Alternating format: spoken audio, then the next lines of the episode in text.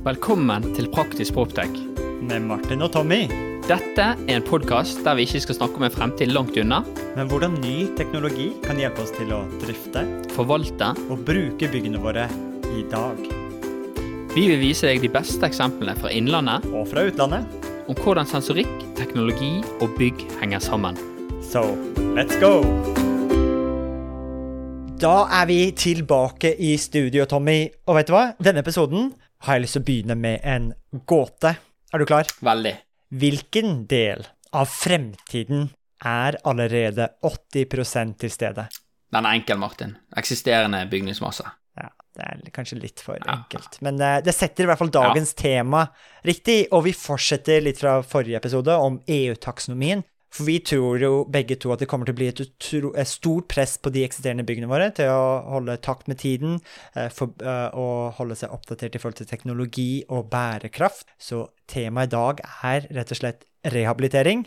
Og kanskje også et eh, hvordan vi kan gjøre rehabilitering bedre, mer innovativt, og selvfølgelig hvordan man kan ta i bruk eiendomsteknologi, eh, både i prosjekteringen, men også i ettertid.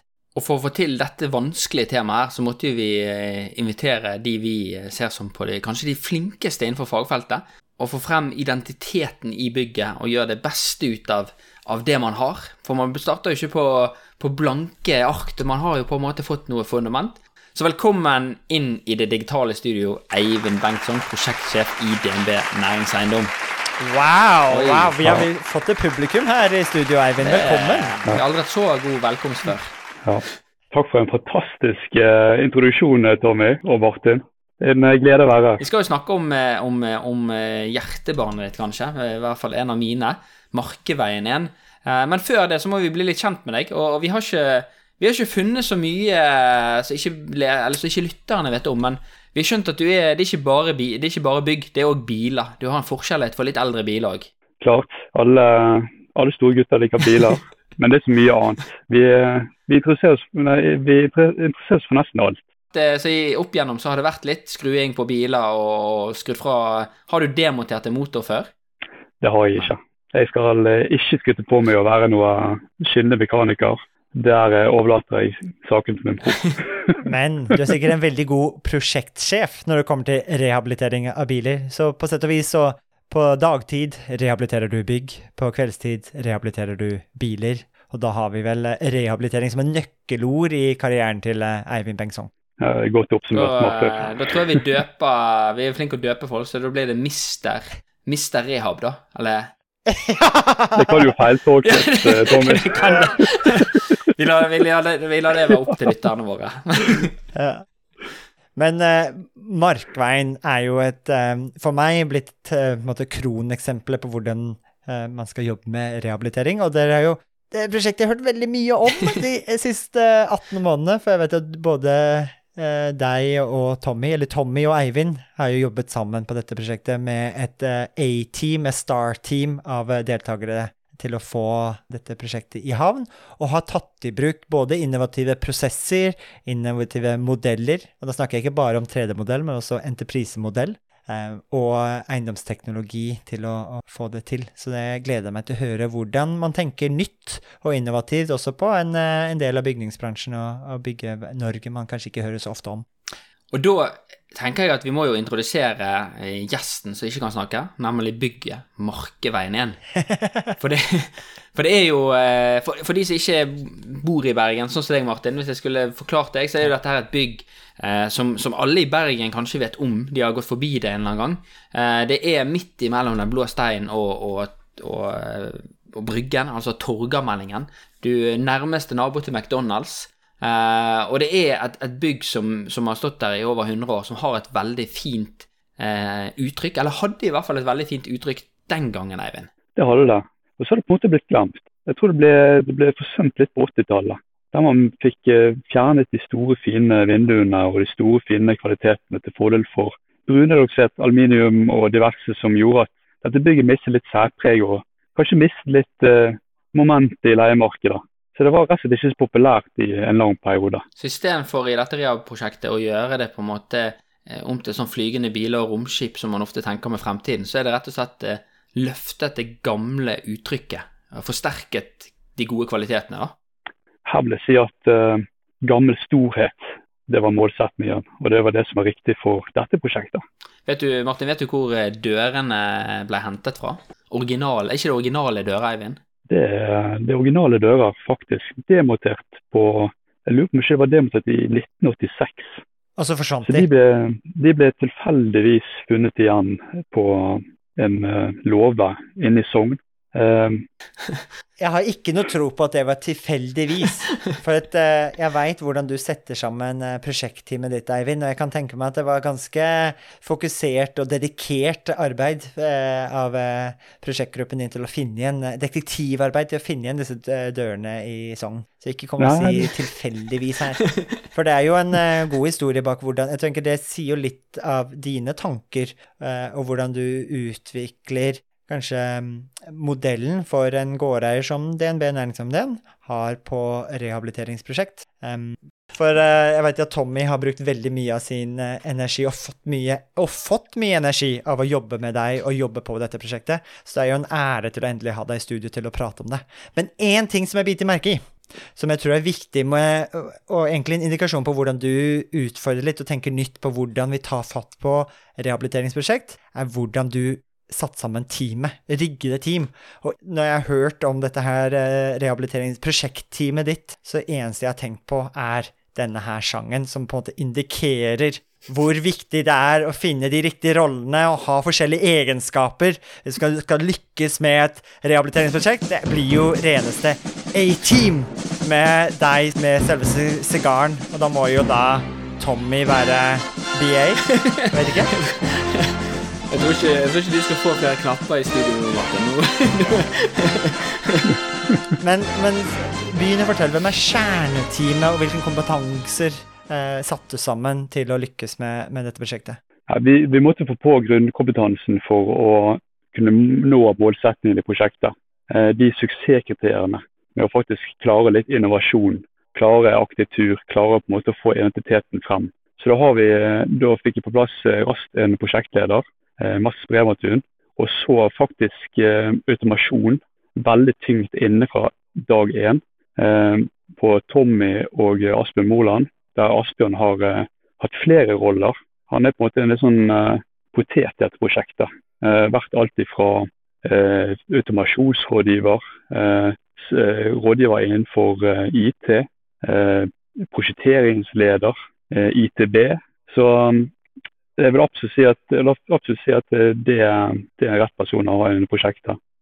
Så jeg har eh, et kjerneteam som, eh, som, har vært litt grunnstein for å nå de store målsetningene i prosjektet. Og, tenker, og, og, Hvilken eh, rolle var det Tommy spilte i dette prosjektet? da? Ja, Tommy, han er... Hvilken fagkompetanse representerte han? Han er selve innovasjonsfiguren eh, som eh, har fått inn trådløs teknologi i prosjektet. Så eh, her mener jeg at vi har klart å få til eh, noe i lag med Tommy som er innovativt. Og kanskje er veldig kult. Eh, innov også innovativt i et gammelt bygg. Jeg tenker, jeg, jeg, jeg, har lyst til å komme tilbake til det, bare hvordan dere arbeidet. og Det ble jo utfordret litt i å komme midt i en, en, pandemi, og måtte jo tilpasse dere hvordan dere gjør prosjektarbeidet og, og samhandling eh, fra hjemmekontor. Jeg tenker egentlig det kanskje ble til det bedre. Men før eh, før vi går inn i prosessen og dynamikken innad i teamet. Er det vanlig, Nå kan ikke jeg veldig mye om hvordan man tradisjonelt eh, setter sammen et team eller jobber med rehabilitering, spesielt i store eiendomsaktører som, som DNB Næringseiendom, men er det vanlig å ha alle disse kompetanseområdene på gårdeiersiden, på prosjektsiden? Eller ville det vært i en totalentreprise at man egentlig ikke fikk den kompetansen på gårdeiersiden? Ofte så er man kanskje litt uh, trigger-happy med at man starter et skisseprosjekt med egne rådgivere. Og så ender vi opp med en uh, fusjonsbeskrivelse kanskje, som forteller hvordan ting skal fungere helt overordnet. Noe som gir veldig stor fleksibilitet. Og så er vi kanskje litt for, uh, for uh, ivrig på å starte byggearbeidene og igangsette en entreprenør. Og Da blir det ofte litt udefinert hva entreprenøren skal gjøre. Det kan både være positivt og negativt. Det positive gir mye fleksibilitet. Det negative er at man får gjerne det som er safe det man er mest komfortabel med å levere. Og kanskje det som er mest lønnsomt for entreprenøren å levere. Det er jo, eh, det er jo litt sånn en trist erkjennelse for meg sjøl er jo det at jeg har jo, også feilet på mange prosjekter der jeg har vært med i akkurat den prosessen der du sier å prøve å få inn liksom innovasjon eh, i skisseprosjektet, beskriver innovasjonen, eh, og, så, og, så, blir det til, til mat til, til totalentreprenørene som, som, på en måte ikke har vært med på den reisen, og, og gjerne eh, kanskje hopper over det, eller, eller, bruker det som man tradisjonelt sett har brukt å bygge det bygget, og så blir ikke det gjennomført. Så det er jo det som har vært så gøy med dette prosjektet for min del, at når det var litt som liksom, Jeg kan se for meg hvordan det var liksom, for Erling Braut Haaland han fikk telefon fra landslaget tidlig og spurte skal du være med på prosjektet. Det var litt den flashbacken jeg hadde når Eivind ringte meg tidlig og sa at inn allerede nå å være med i prosjektet gjennom hele fasen, det var, ikke, det var ikke tvil om at det er noe man eh, det, det, er ikke ofte man har sånne prosjekter ute i feltet. Så det er jo litt viktig å si at her har dere vært, har dere vært veldig flinke og, og hatt en plan og, og gjennomført det. Jeg vil kanskje si at, eh, kanskje si at det er det beste fra to verdener det er på en måte å hente, eh, hente kompetansen fra rådgiverne, og ikke minst eh, utnytte kompetansen til det fulle for entreprenørene. For de sitter på enormt mye kompetanse. Og Det er ofte de som er mest oppdatert på det siste innenfor gjerne komponenter og diverse innenfor alle fag. Mm. Apropos det du sa der, eh, Tommy, angående eh, entrepriseform og innovasjon. Jeg vet ikke om jeg feilsiterer det, men jeg husker at du en gang sa at de gangene du har uh, jobbet i et totalt entrepriseprosjekt, er de gangene du har totalt feila? det var vel noe Du gjorde jo også noe grep her på entreprisemodellen på rehabilitering som var litt annerledes, uh, Eivind? Ja, uh, her har vi valgt egentlig en generalentreprise. kan gjerne kalle det samspill med at vi sitter på prosjekteringsteamet og så leverer så leverer vi et detaljprosjektgrunnlag som vi utfører i lag med totalentreprenøren. Så egentlig et samarbeid eh, fra dag én der vi er veldig tydelige på hva vi skal oppnå og hvilke løsninger vi skal ha i prosjektet. Og egentlig følger dette i lag med entreprenøren, generalentreprenøren i dette tilfellet, da, helt til ferdigstillelse.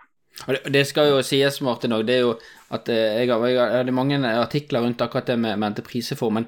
Det var jo ikke bare eh, totalentreprenør, men det var òg det at hvis, hvis, man på en måte Veldig ofte når man tar en totalentreprise, så, så skiver man vekk all risikoen òg, og alt ansvaret. Eh, og da er det selvfølgelig ofte attraktivt å levere den Toyota Hiaken som er gjort i alle år. Men skal du på en måte tørre å bygge Teslaen av bygget, så kan det være at de vinduskarmene blir litt dårlige, og så ordner vi det. Liksom at, at man tar litt sjanser da. Så det skal jo sies at i en generalentreprise så er jo det dere som, som byggherre som òg sitter på mye større risiko, Eivind. Stemmer ikke det? Det gjør vi. Men når man tenker over det, så er at uh, klarer ikke man å svare på noe, så tror jeg spørsmålet uansett dukker opp mm. før eller siden. Og om det dukker opp i tidlig fase i et prosjekteringsteam, eller om du går opp i utførelsesfase via en entreprenør, så sitter du uansett på risikoen. Så si at man, eh, man sitter uansett med risikoen, uansett hva, hva man velger. Men totalentreprise, det å på en måte få en, en total pris på et ferdig produkt, det kan kanskje være en sånn falsk mm. trygghet. Det var jo, eh, jeg tror det var i, bare for et par dager siden, så tror jeg Mats Mysen i, i GK hadde et veldig bra innlegg der han sa at, eh, at veldig ofte i dag så var man motivert, entreprenøren var motivert til å levere et anlegg som skulle leve i fem år og én dag. For i den totale entreprisemarkedet så er jo det det du blir målt på. Det, skal, det skal fungere feilfritt i fem år, og etter det så har, sitter jo uansett gårdeieren med ansvaret for de neste 10, 15, 20, 30, 40 år levetid. Eh, så det, eh, jeg er helt enig med deg. Du, sitter jo uansett med, med, risikoen, men kanskje akkurat på totalt så har du forskjøvet den i fem år. Du kan i hvert fall skylde på noen. Mm. Ja, så tror jeg òg at, eh, at, det ligger noen motivasjon med i at det skal vare i fem år og en dag. Tror jeg òg at entreprenører syns det er veldig motiverende å levere et state of the art-anlegg som er innovativt og faktisk kan eh, bidra med utvikling hos entreprenørene òg. Jeg tror du prater du beskrev denne entreprisemodellen som en samhandlingsentreprise, eller samarbeidsentreprise, for det ble, mm. du jobber mye tettere på eh, entreprenøren. Og jeg tenker de, de prosjektmøtene eh, Nå har ikke jeg fått vært med de, men jeg har hørt at det har vært veldig givende møter og spennende møter å vært med på, fordi man har brukt ny teknologi både i forarbeidet og underarbeidet til å sørge for at alle jobbet eh, og diskuterte i samme modell. Så ble det brukt veldig mye 3D-modeller og mm. sensordata. Og så vet jeg at du har en forskjellighet for Google Maps. Så for, Beskriv litt om de verktøyene og hvordan du ledet eh, prosjektmøtene, eh, og spesielt hvordan du brukte Google Maps eh, mye. Det synes jeg er veldig viktig i dette prosjektet, og veldig artig tenkt tilbake til. At dette korona kom og slo oss eh, helt, helt, utrolig overraskende. Mm. Vi fikk ingen forvarsel. vi var egentlig ferdig med skisseprosjekt der vi nå hadde begynt å engasjere rådgivere. Vi hadde begynt å engasjere entreprenører i forhold til riveentrepriser. Vi hadde begynt å, å engasjere diverse som krevde fysisk tilstedeværelse på byggeplass for kontroll. Så det var her denne hjalp oss. Der vi rett og slett gjennomførte virtuelle anbudsbefaringer. Der der vi rett og slett sendte over eh, dette grunnlaget til entreprenørene som var med å prise eh, i dette tilfellet Rive-entreprisen. Tilbakemeldingen vi fikk det var at de kunne, de kunne, levere en pris med en utrolig høy sikkerhet. Mye mindre risiko enn det de hadde gjort tidligere. For dette, hva, hva, gir det egentlig at man går én person eh, som representerer et, en entreprenør, går rundt og tar noen bilder og skal videreformidle dette her til en kalkulatør. Her gir vi faktisk hele befaringen virtuelt. Der kan man befare når som helst. Så vi fikk veldig positive tilbakemeldinger på dette. gjorde vi. Denne brukte vi også i, med prosjekteringsteamet. der vi Pga. at det er så effektivt, så kunne vi egentlig gå gjennom all usikkerhet, alle avklaringssaker, alt med alle fagrådgivere uten å dele opp fagvis. Så vi har fått en veldig sånn god tverrfaglig forståelse, tror jeg. Ikke bare at, eh, at automasjonsrådgiver har kontroll på sine ting, og elektrikere og Riven og Rien har kontroll på sine ting. Men alle har på en måte litt forståelse av hva alle holder på med. Det, det er jo dette her jeg eh, sitter liksom og husker veldig godt tilbake til veldig tidlig, når, når egentlig alle satt på Teams, men, men Mats dradde opp hele tiden 3D-modellen. Og når vi snakket om sjakten der og der, eller den og den trappegangen, eller det og det i rommet, så var du alltid og så på akkurat det samme. Sant? Du satt ikke rundt et bord og, og nesten sovnet av fordi de snakket om en sjakt for eh, rørføring, altså automasjonsrådgiveren eh, egentlig ikke brydde seg så mye om. Eh, men alle fikk med seg det samme. Uh, og det var, jo, det var jo, her òg de gode dialogene og diskusjonene helt tidlig av hva kommer, Eivind, med tanke på Det var jo et ventilasjonsanlegg som hadde byens beste utsikt. Eh, mm. Og det klarte jo man å, å, få vekk og få, få frigjort mer utleidbare areal. Ja, det har vi gjort. Eh, vi skal komme inn på, det er kanskje komme inn på dette nå, Tomme. Vi har vel egentlig arealaktivisert mm. denne eiendommen uten å bygge nytt areal. Hva ble, hva ble endelig eh, hva ble endelig svar på det? Hvor mye mer utleidbar areal klarte man å få med, med, med hele omstruktureringen? Ja, det, er jo, det er mange faktorer som spiller inn. Eh, og, og, det er mange forskjellige typer areal vi definerer det som.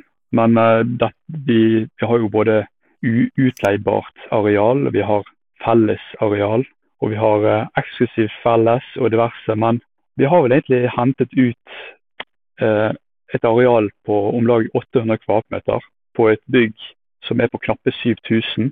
Og jeg mener å huske at vi har en fellesarealprosent opprinnelig på rundt 40, som nå ligger på rett i overkant av 20. Så det sier seg sjøl at uh, dette, her er det skjedd grep som er i riktig retning. Når Tommy forteller den historien, for det er jo, dette her er jo utrolig verdifulle tall. Det at man finner 800 kvadratmeter midt i sentrum Ok, det er ikke Oslo vi prater om, men midt i sentrum av Bergen. Til og med bedre, Martin. Steinkast fra Torgallmenningen. Og du fikk ned fellesarealet, som var på skyhøye 40 andelen, til 20% Det må jo ha vært virkelig gjort dette mye mer attraktivt, et mye attraktivt bygg eh, for DNB. Og tall du burde ta med inn i lønnsforhandlingene som kommer nå i februar? Ja, det kommer godt med.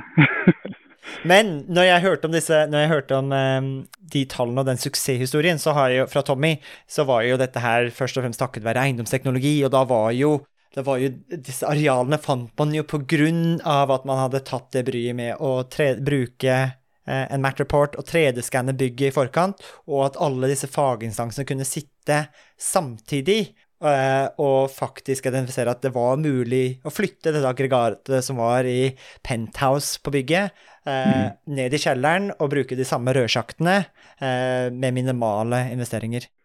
Ja, jeg vil si at uh, den effektiviseringen vi gjorde Eh, det, vil, det medførte at alle fag kunne se på alle sine avklaringssaker. Noe som gjør at vi, vi, eh, vi, fikk på en måte sett på alle problemstillinger samtidig. Eh, vi, det er ikke sånn at vi diskuterer noe som vi tror kanskje bare er relevant for ett eller to fagfelt, men at vi faktisk får dette her hele, hele prosjekteringsgruppen har sett på det samme. Og Da dukker ofte X-faktoren opp. Ja, men går dette? Det kommer gjerne fra en fagdisiplin som gjerne ikke var tiltenkt akkurat på denne problemstillingen. Hva, hva, hva, vil du si Det er jo veldig mange ganger jeg, jeg er i prosjekter, så spør jeg har vi en 3D-modell, og så sier de ja. Og så får du en, på en måte en Revit 3D-modell som er tegnet. Hvordan er det på en måte for dere på en måte på gårder sine som sitter i alle disse ulike modellene? Hva, hva, er, hva, er, liksom forskjellen? Hva er det positive og det negative med liksom en fotogramisk modell og på en måte en arkitekttegnet modell? Jeg vil først si at det er terskel uh, for, uh, som kreves for å dra opp modellen uh, for å sjekke ting. Der er jo han mye mer dynamisk og enkel å dra opp denne 3D-modellen. klart, Etter hvert som man begynner med detaljprosjekteringen, så vil jo på en måte den BIM-modellen på en måte erstatte i forhold til å se hvordan det vil bli. da. Ikke bare hvordan det er, noe som den, den fotomodellen viser. Så det er egentlig et arbeidsverktøy, da? Ja, det, det, er et arbeidsverktøy, et uh, visualiseringsverktøy, befaringsverktøy. Uh, I hvert fall sånn som vi har brukt det. Og så kan det sikkert brukes i forbindelse med overtagelse og dokumentasjon og berikelse og sånn i fremtiden. Men, det, men der er ikke vi helt ennå, Tommy. Mm. Kan jeg gå videre til et annet eh, tema? Så vi er allerede det, det er jo tydelig at dette er et vellykket prosjekt. Vi pratet om både hvordan dere greide å identifisere mer areal, men ikke nok med at dere fikk mer areal, dere greide også å leie ut dette arealet før ferdigstillelsen.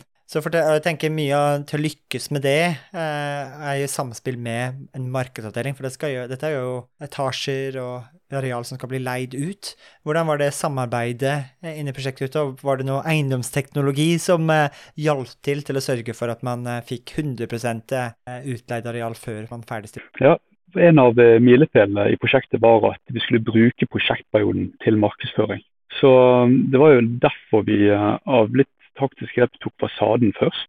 At den skulle bli eh, fremstå slik som man skulle gjøre når produktet var ferdig. Så Noe av det første vi gjorde, var faktisk å renovere fasaden. Få plass nye vinduer i eik og akoya. Få plass den originale inngangsdøren som vi tilfeldigvis fant. Og få plass liksom det, som, det som appellerer til forbipasserende.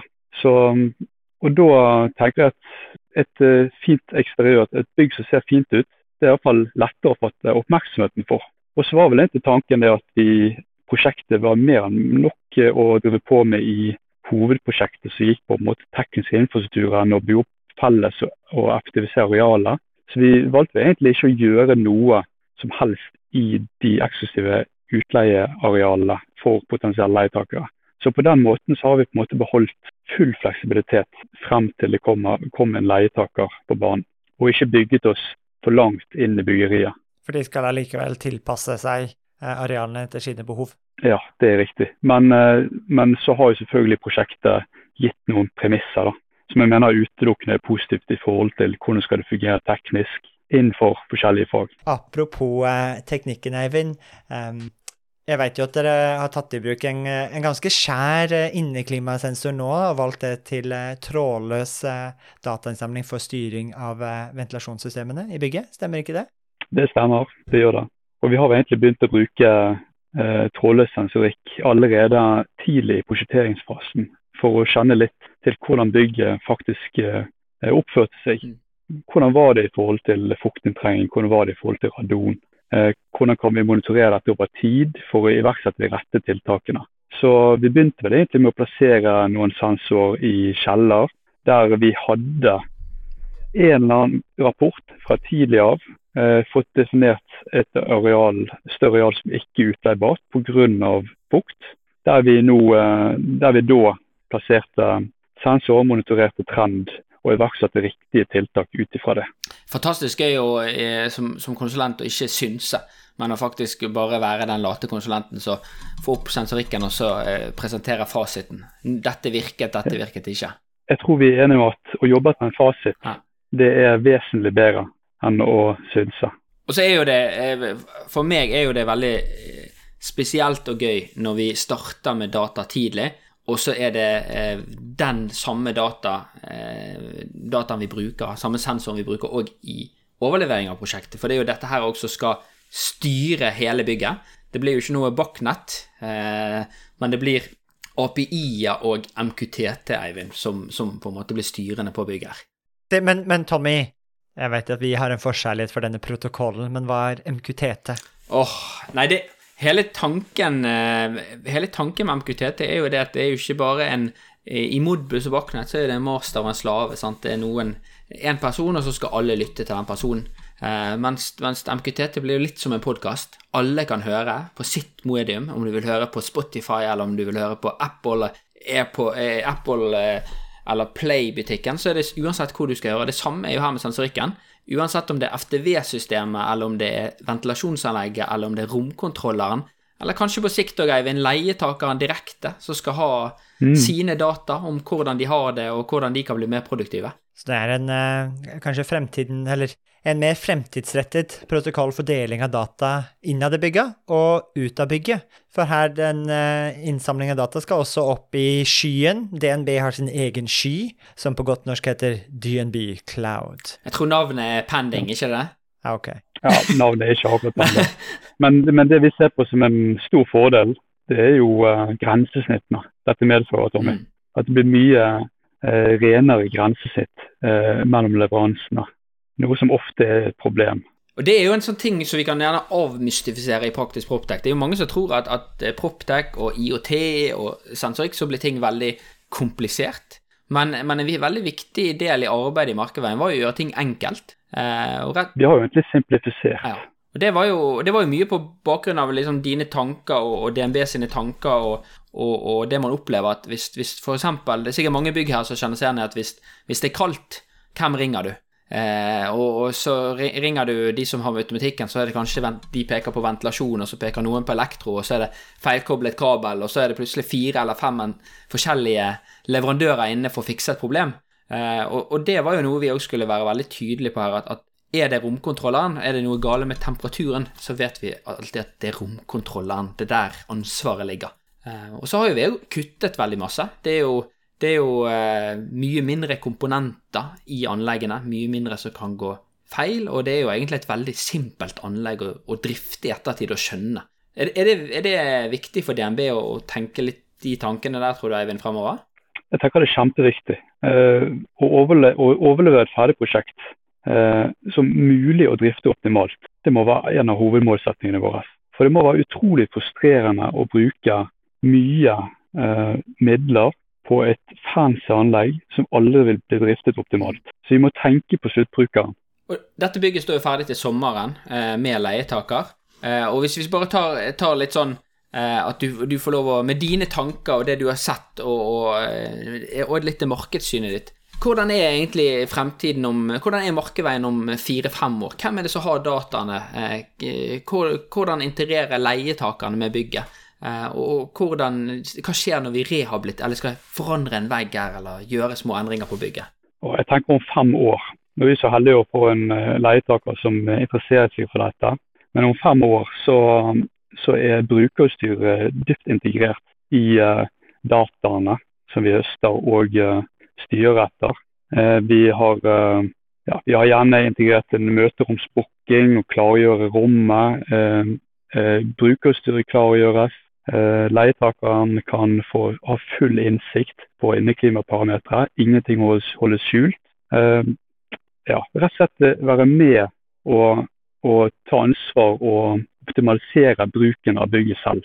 Det tror jeg må være målet vårt innen fire til fem år. Så egentlig et, et, bygg som har åpen data, da, rett og slett, med, med leietakerne og brukerne sine? Helt riktig. Og kanskje faktisk på sikt dele data mm. Og benchmarke mellom bygg, og faktisk fortelle andre bygg hva som virker. Det, det som jeg, eh, det som jeg også ikke har vært inne på, er jo at, at uh, i mitt syn så er Markeveien et innovasjonsprosjekt de luxe. Uh, hvordan har, har, du Og du er jo involvert i mange andre prosjekter, og du har veldig mange flinke kollegaer. Har, har, har, dere lært noe fra Markeveien som dere har tatt med dere på, på andre bygg?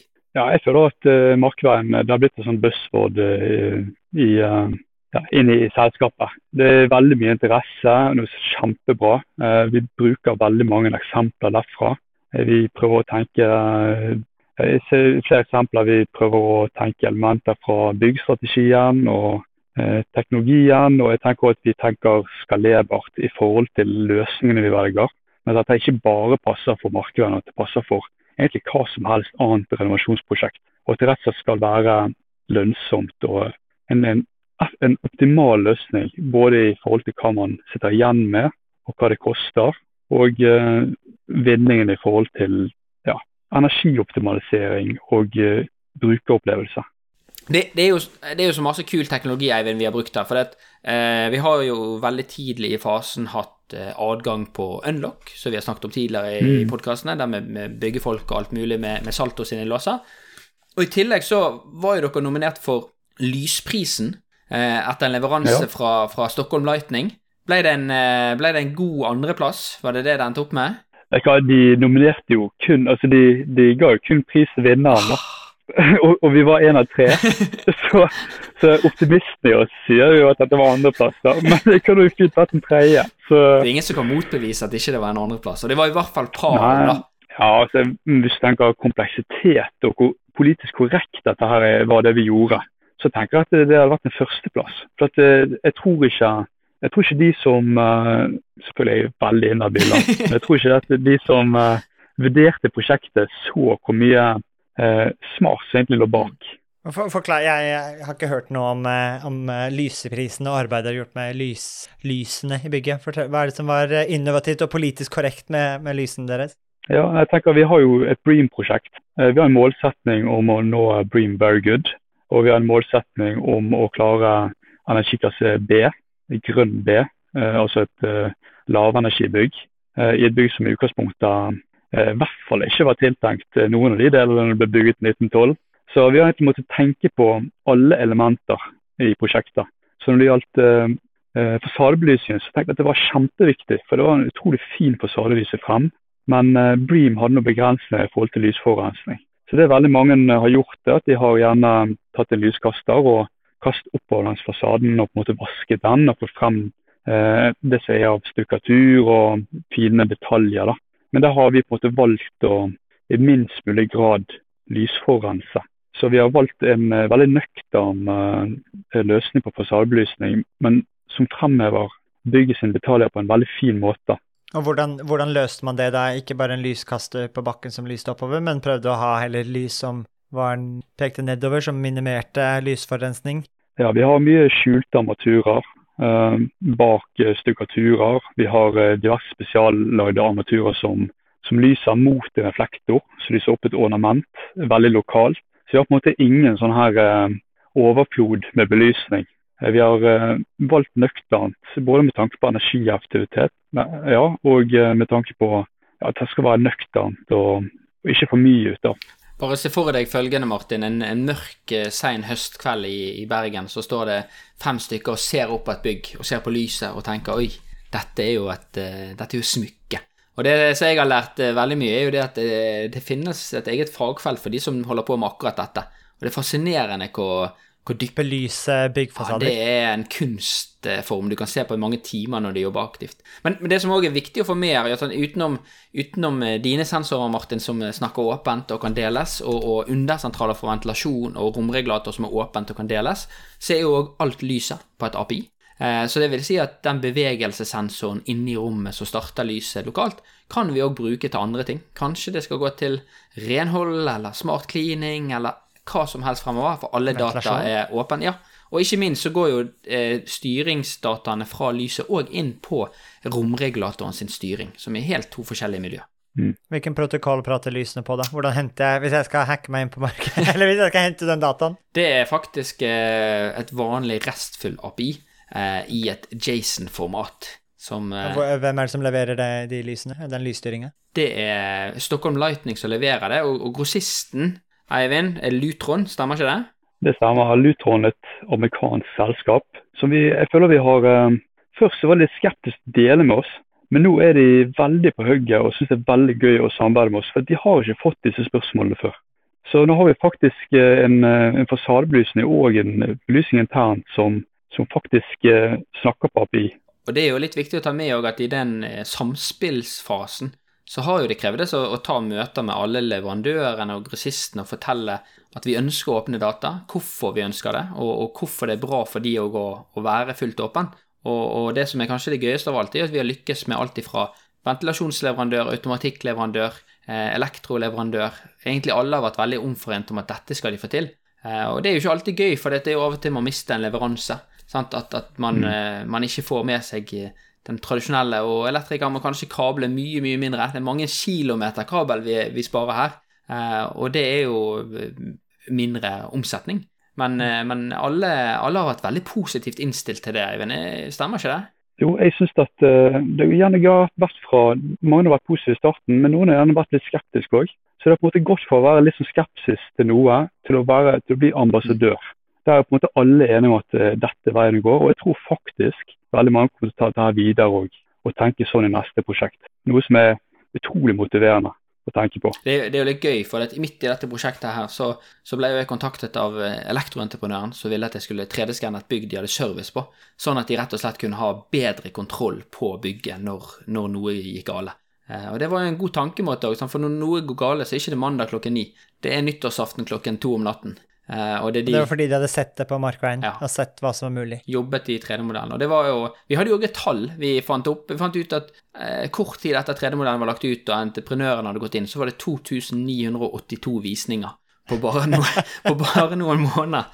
Så det, det, er jo, uh, det er jo mer enn Men det er alle de digitale befaringene som alle underentreprenørene gjorde og priset elementer. Da var de inne i modellen? Ja, antagelig alle. Ja, men alt ifra arkitekt, arkitektteam òg, sant. Det er jo eh, Jeg personlig jo, jeg går jo inn i modeller hver gang jeg jobber. Ja, du går inn i modellen når du jobber og ikke jobber, du. 3D-modell er ditt.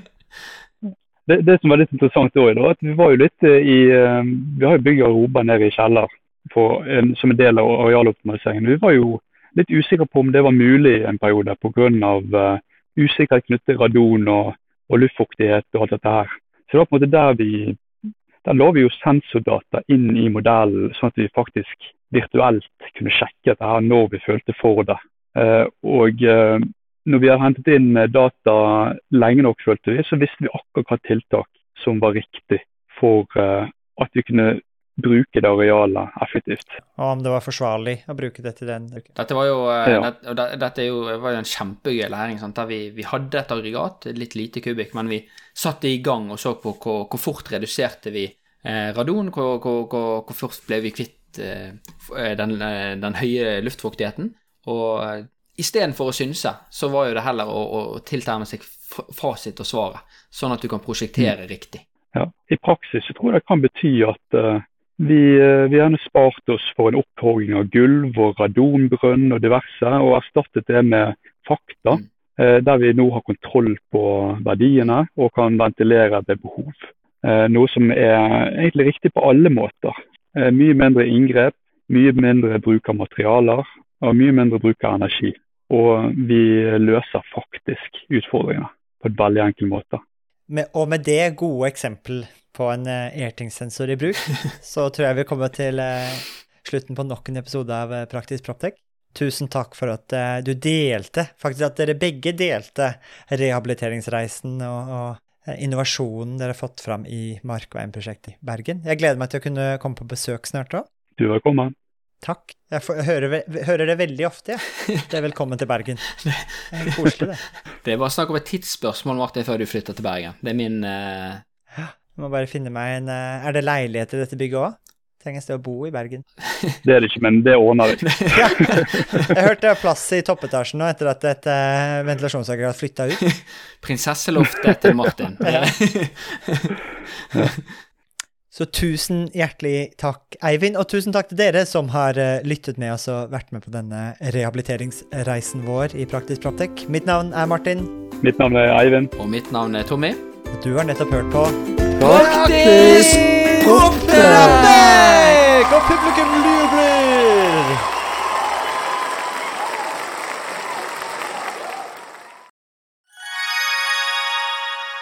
Da dere er 2024 i gang, og et av høydepunktene på starten av året er jo sett sammen et årshjul, og det har vi også gjort, Tommy. Ja, Akkurat nå sitter jeg og ringer rundt 25. og 26. april, for da skal vi på FTV-kongressen. Og det blir litt ekstra spesielt i år, Martin. Det var jo veldig spesielt i fjor òg, for jeg husker det vakre øyeblikket når eh, du og Magnus fra FTV-kongressen eh, preiket sammen og egentlig unnfanget og satt sammen en god idé. Og det var jo invitasjonen til eh, Proptech-dugnaden, som også blir et høydepunkt i år, ikke sant, Magnus, på FTV-kongressen 2024? Jo, det stemmer det. Vi setter godt med plass i år til, til dugnaden. en eh, god og sprø idé for å sette praktisk proptech ut faktisk i livet og eh, vise hva vi får til, ikke bare fortelle. Det var, jo, det var jo veldig gøy, for jeg husker da jeg skulle pitche dette til deg, så tror jeg du avbrøt meg og bare sa 'vi er med'. Og når vi var på dugnaden, så sa du òg at Tommy, dette her må vi ta med oss tilbake på FTV-kongressen. Vi må jo praktisk få dette vekk fra Powerpoint og vise praktisk hvordan vi har gjort det. Og det syns jeg blir litt spesielt i år, at det blir jo for meg en liten reunion av det som skjedde der ute. Men, men eh, FTV-kongressen er vel mye mer enn en, bare en reunion òg. Jo da, det er en møteplass for uh, FTV Norge, og vi ønsker å skape det til en, en god møteplass for FTV Norge, som, som, tross alt tar vare på Norges største fastlandsnæring. Og da skal vi da skal vi ha en god arena å møtes for å se på felles uh, utfordringer og problemer, men ikke minst hvordan vi kan løse ting fremover. Og så blir uh, dugnad en sånn uh, bekreftelse på hvordan vi faktisk kan gjøre det, istedenfor å stå og bare høre om hvordan vi kunne ha gjort det. Det er veldig kult. Og januar er jo en gavemild måned, så hvis du brenner for bedre drifting av bygg, så kan du få med deg en liten eh, rabattkode her også, så møtes vi kanskje 25.-26. april på Tung kongress Gardermoen. Og den rabattkoden er ikke vanskeligere enn Praktisk Proptech med små bokstaver og uten mellomrom. Praktisk Proptech. Praktisk Proptech, små bokstaver, ingen mellom ett ord. ftvkongressen.no, der ser du programmet. Det blir oppdatert i disse dagene, og så møtes vi i april. Vi ses! Vi ses!